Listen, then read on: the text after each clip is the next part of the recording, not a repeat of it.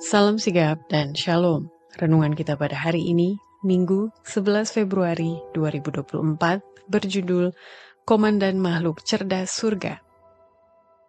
Ayat intinya terdapat di dalam Yohanes 1 ayat 3. Segala sesuatu dijadikan oleh dia, dan tanpa dia tidak ada sesuatu pun yang telah jadi dari segala yang telah dijadikan.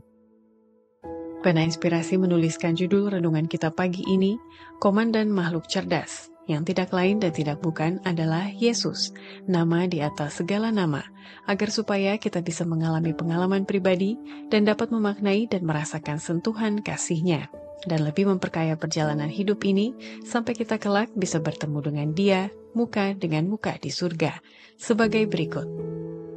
Pertama, Dikarenakan Yesus adalah mengepalai atau komandan makhluk cerdas surga, maka perkataannya itu harus siap ditaati oleh semua makhluk ciptaannya, sama seperti menuruti perkataan Bapa.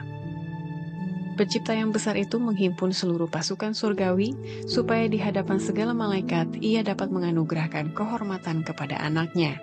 Sang anak duduk di atas tahta dengan Bapa, dan penghuni surga yang terdiri atas malaikat-malaikat yang kudus berkumpul di sekeliling mereka.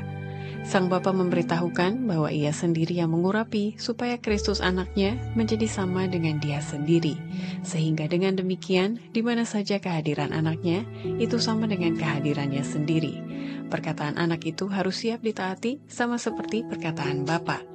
Anaknya dilengkapi dengan kekuasaan untuk memerintah pasukan surgawi. Kedua, Dikarenakan Yesus adalah mengepalai atau komandan makhluk cerdas surga, maka Kristus, anak Allah yang kekasih itu, mempunyai keunggulan atas semua pasukan malaikat di surga, yang membuat Lucifer menjadi cemburu dan menginginkan tongkat komando yang dipangku oleh Kristus itu. Sebelum pemberontakannya, Lucifer di surga adalah seorang malaikat tinggi dan dihormati, dalam kedudukan terhormat setelah anak Allah yang kekasih.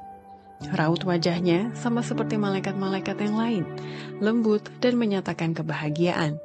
Bentuknya sempurna, perawakannya mulia dan agung. Suatu terang khusus bersinar pada wajahnya dan bersinar di sekelilingnya lebih terang dan lebih indah daripada malaikat-malaikat lain di sekeliling.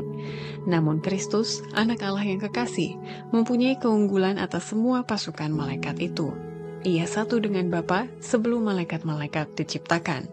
Lucifer cemburu terhadap Kristus dan perlahan-lahan menginginkan komando yang dipangku oleh Kristus saja.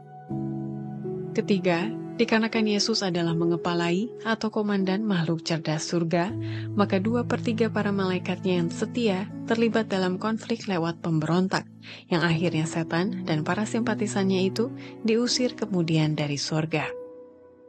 Maka terjadilah peperangan di surga. Anak Allah, Raja Sorga, dan malaikat-malaikatnya yang setia terlibat dalam konflik dengan pemberontak licik dan mereka yang bersatu dengan dia, anak Allah dan malaikat-malaikat yang benar dan setia, menang. Lalu setan dan para simpatisannya diusir dari surga. Segenap pasukan surga mengakui dan memuji Allah yang adil.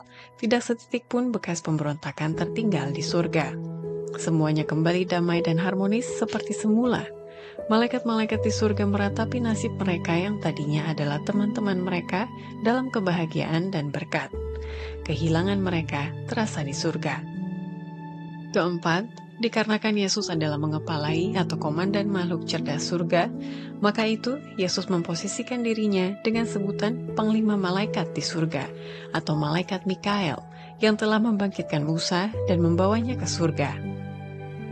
Musa melewati kematian, tetapi Mikael turun dan memberikan kehidupan kepadanya sebelum mayatnya kelihatan membusuk. Setan berusaha menahan mayat itu dengan menyatakan itu adalah miliknya. Tetapi Mikael membangkitkan Musa dan membawanya ke surga. Setan mengumpat-umpat dengan sengit terhadap Allah, sambil menyatakan dia tidak adil dalam mengizinkan mangsanya direbut daripadanya. Tetapi Kristus tidak menegur musuhnya, walaupun melalui pencobaannya sehingga hamba Allah itu pernah jatuh. Dengan lembut ia mengarahkan dia kepada bapaknya dengan mengatakan, kiranya Tuhan menghardik engkau. Yudas 9 Demikianlah renungan kita pada hari ini. Kiranya Tuhan memberkati kita semua.